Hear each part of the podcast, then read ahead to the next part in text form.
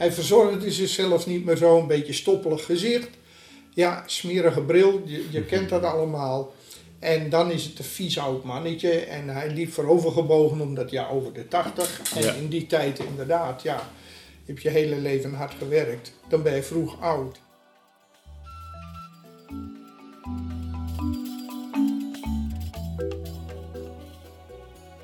Je luistert naar de podcast Jantje in Kwadraat. In deze podcast gaan Jacob Oeverbeek en ik, Bas Visser, op zoek naar de verhalen van Jan Visser van Urk en Jan Huiszoon uit Zeeland. Twee papierknippers die een eeuw of langer geleden leefden. En we spreken met hun hedendaagse navolgers Henk Kapitein en Tony Dieleman.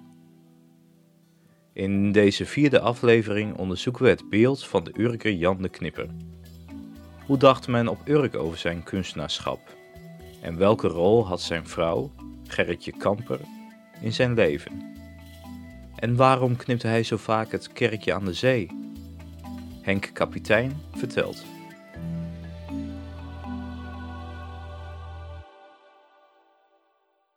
Ehm, leuk is dat ehm, als je de knipwerken bekijkt, dat je dan eh, eh, toch twee verschillende handschriften ziet.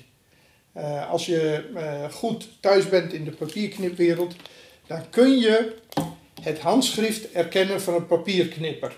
Oké. De een bepaalde manier van eh, hoekigheid of juist van afronden. En bij Jan vinden we in een, in een bepaalde periode, en dan, dan praat ik over eh, 1900 tot 1920, vinden we een aantal knipwerken waarbij de bomen eh, anders van vorm zijn als andere knipwerken Hmm. uit diezelfde periode. De bladeren. En eh, dat is opmerkelijk. En ehm eh, Joke Verhaven, de papierknipkenster, de top van Nederland wat dat betreft, heeft heel veel boeken over de papierknipkunst geschreven. Die beweert dat het door een vrouw geknipt is. Dus het zou kunnen dat zijn vrouw op een gegeven moment ook de schade in handen kreeg van probeer jij het eens. Oké.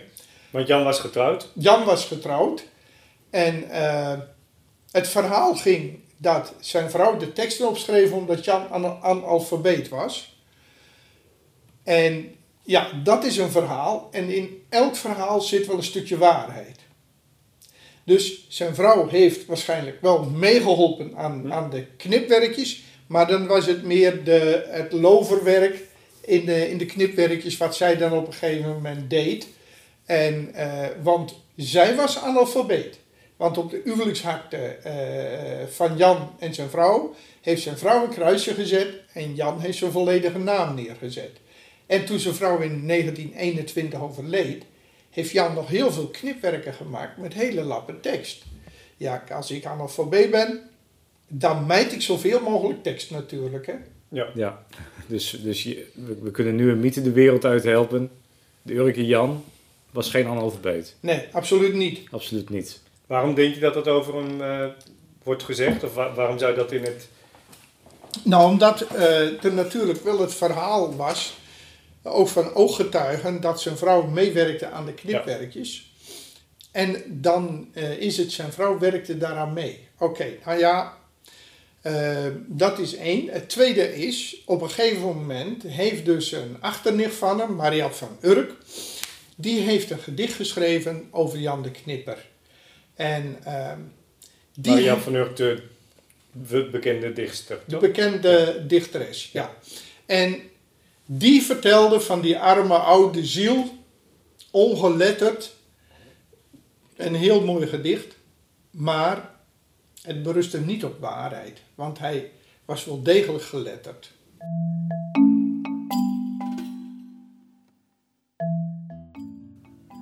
Ho, stop! Hier moet ik even ingrijpen. Want die nicht van Jan, dat was wel mijn overgrootmoeder, de dorpsdichteres Mariap van Urk. Laten we dat gedicht er eens bij pakken.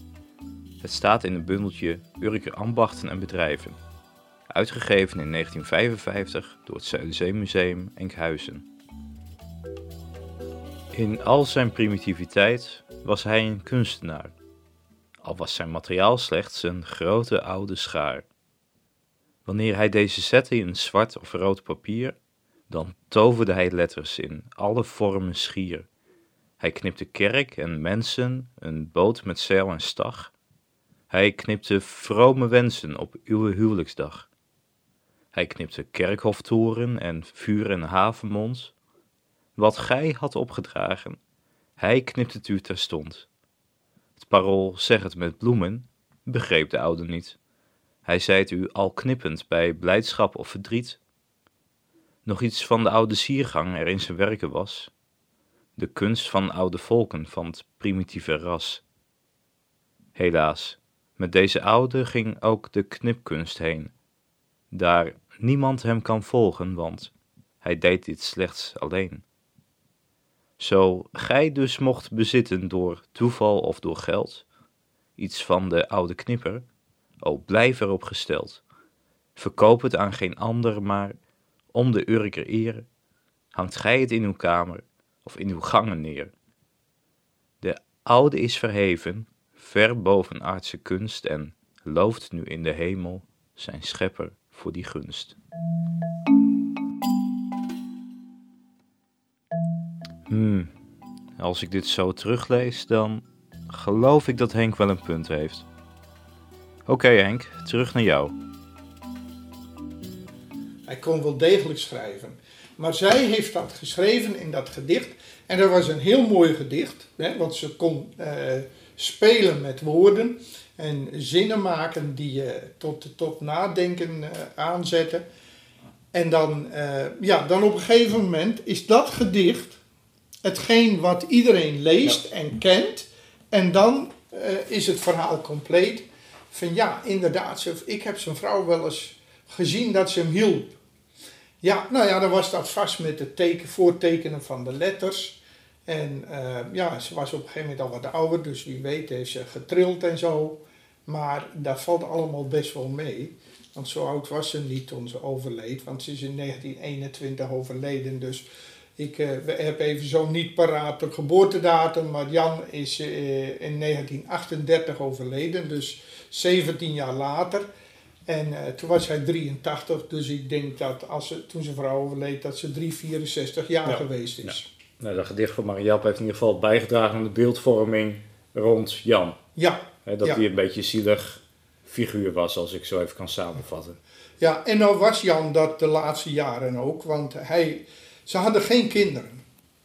En uh, als je zo lang getrouwd bent met elkaar, ja, dan ben je uh, verknocht, verweven met elkaar. En toen zijn vrouw overleed, toen bleef Jan alleen achter. Hm. En uh, ja, toen verwaarloosde hij zichzelf. Dus uh, zijn kleding uh, begon een beetje te slobberen. Uh, hij zag er niet meer zo piekfijn uit. En de tijd dat hij ieder jaar een nieuw pak kreeg, zeg maar, dat was voorbij. Dus hij bleef in die oude plunje rondlopen. Hij verzorgde zichzelf niet meer zo, een beetje stoppelig gezicht. Ja, smerige bril, je, je kent dat allemaal. En dan is het een vies oud mannetje. En hij liep voorovergebogen omdat ja, over de 80. En ja. in die tijd inderdaad, ja, heb je hele leven hard gewerkt. Dan ben je vroeg oud. En dan ontstaat het beeld van een zielig oud mannetje. Ja. ja. Maar eigenlijk zeg jij uh, ook met het verhaal van het, uh, dat hij wel degelijk kon lezen uh, en schrijven. Dat je zegt van nou dat beeld dat klopt eigenlijk niet. Dat romantische beeld van de analfabeet die toch hele naïeve kunst maakte. Uh, daar zat wel degelijk een, een, een, iemand die in ieder geval kon lezen en kon schrijven, maar die ook wel nadacht over zijn kunstpraktijk. Ja, uh, als je, als je uh, de knipwerken van Jan goed bekijkt en daar rekening mee houdt dat hij misschien vijf jaar lagere school gehad heeft en toen als derde mannetje mee moest aan boord en vanaf dat moment altijd gevist heeft, dat uh, het helemaal niet verwonderlijk is als je dan schrijft dat je inderdaad echt de klanken wel in letters weet om te zetten, mm. maar dat je dan uh, uh, de fonetische spelling aanhoudt.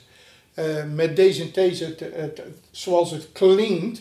Kijk, en als wij Urkers zeggen de leste rustplekken, dan hoor je de T niet.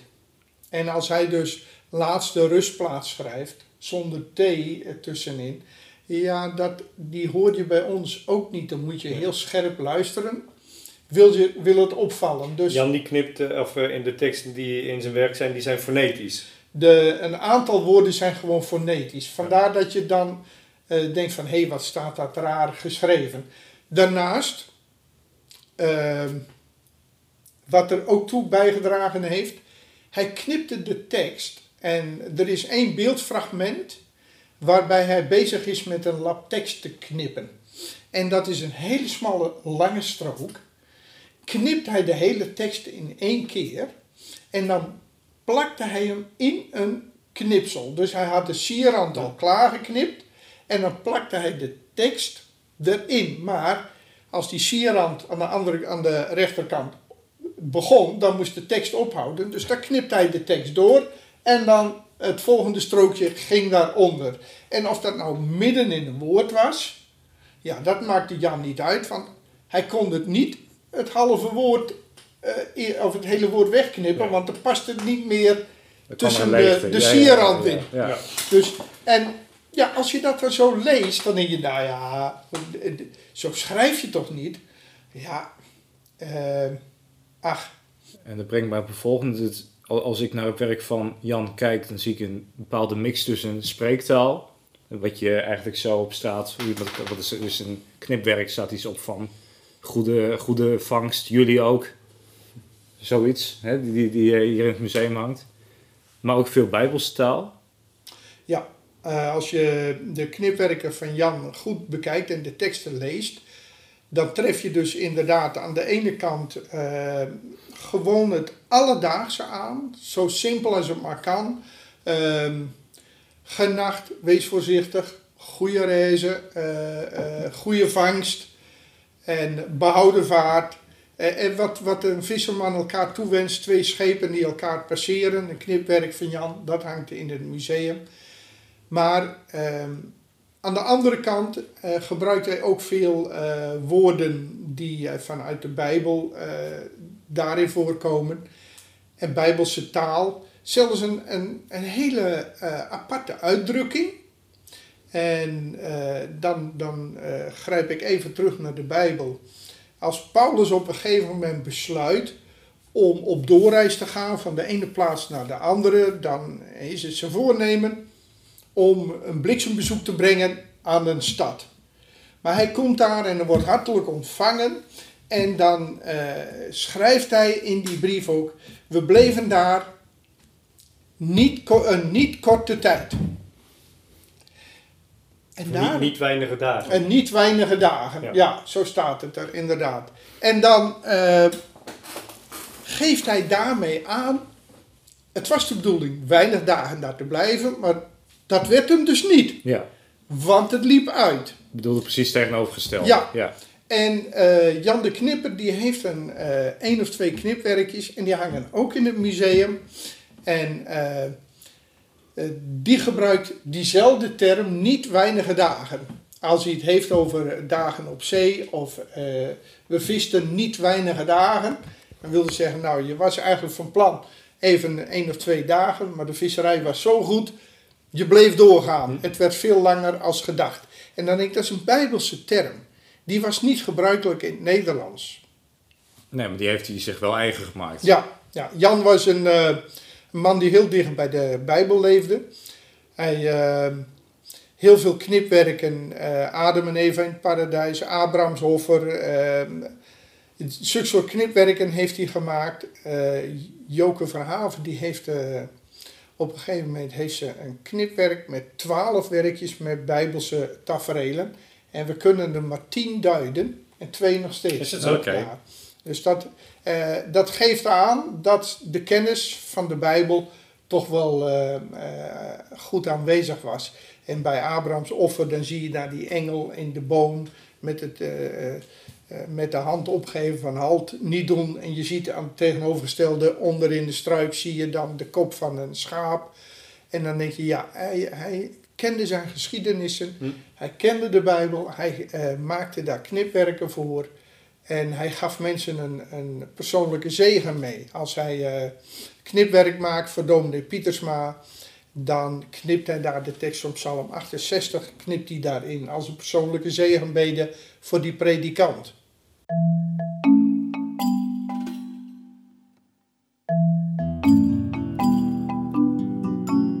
Denk je, Henk, dat, dat, dat Jan zich gewaardeerd voelde als, als kunstenaar? Uh, niet op Urk.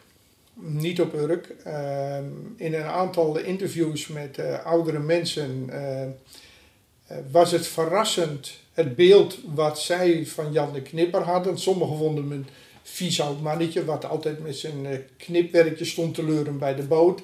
En anders zei hij woonde in de cementen en daar kwamen wij nooit. dat was, daar woonde het klootjesvolk. En ik zeg, voel jij jezelf dan het ootjesvolk? Nou, zo wil ik het niet noemen, maar met klootjesvolk hadden we geen contact. Dus die kwamen daar nooit. En uh, Jan werd ook wel uh, nagejouwd door de kinderen. Hmm. Ja, hij werd uitgescholden? Of, Nou, nageroepen hè, van Jantje de Knipper. En, terwijl hij heel vriendelijk was, want hij gaf aan iedereen die maar wilde, aan de kinderen, gaf hij een klein knipwerkje. Hij had altijd papier en een schaar bij zich, dus die zal ik voor jou eens wat knippen.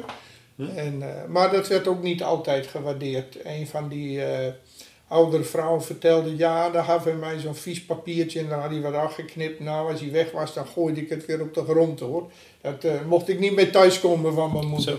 Dus ook dat, hè. Dus aan de andere kant, als er kunstenaars speciaal naar Urk komen om een, om een knipwerk van jou te kopen dat geeft je als kunstenaar toch wel een, een stukje voldoening. Die bevestiging die haalt die misschien niet zozeer vanuit uh, Urk zelf, maar er kwamen mensen van buiten Urk en die konden hem op waarde schatten. Later zullen we het nog hebben over de technieken die Jan gebruikte en waarom die zo bijzonder zijn. Maar nu zijn we benieuwd naar de mobiliteit van Jan. Was hij een reiziger nou, ik denk dat zijn verste reis uh, de opening van het Openluchtmuseum Enkhuizen geweest is. En voor de rest hield hij zich uh, op Urk. De opening van, dat was tegen het einde van zijn leven? Ja, ja. Dus dat is misschien aan het einde van zijn leven heeft hij wel erkenning gekregen binnen, de museale, binnen het museale verband eigenlijk.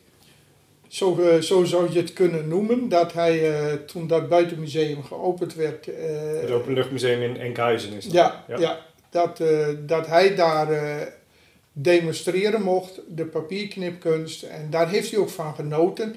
Je ziet ook een filmfragmentje dat hij daar zit en dat hij aan knippen zit. Hij straalt van oor tot oor. Was hij daar naartoe om, omdat je zegt de, de knipkunst te demonstreren? Ja, of was, er ook een overzichtswerk van zijn werk daar te zien? Hij was gevraagd en je ziet ook een aantal werken naast hem staan. Dus hij heeft ook werk meegenomen. En of daar uh, in het museum zelf uh, is weinig werk uh, te zien.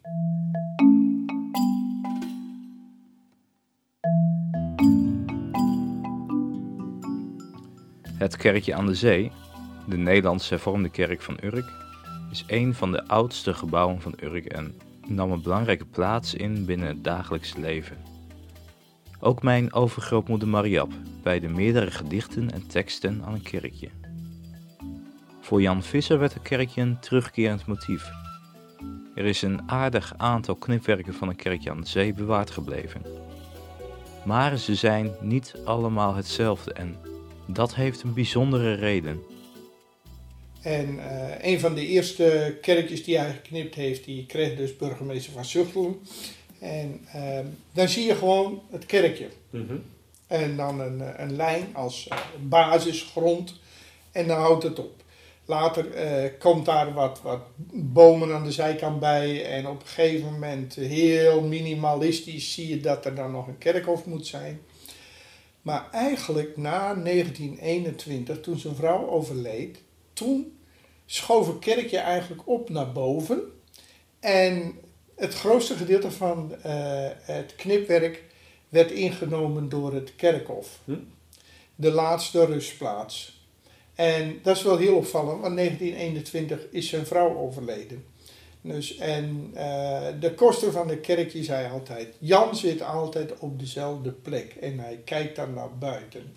En dan heeft hij zicht op het graf van zijn vrouw. En als hij daar zit, dan kan hij daar een paar uur gewoon zitten. Dan schuifelt hij de kerkje weer uit en dan gaat hij naar huis. Maar Jan knipte dus als een soort in memoriam Mhm. vanaf dat moment het kerkhof er compleet bij. Waarbij eigenlijk zijn vrouw dus altijd een prominente plaats kreeg in zijn knipwerken.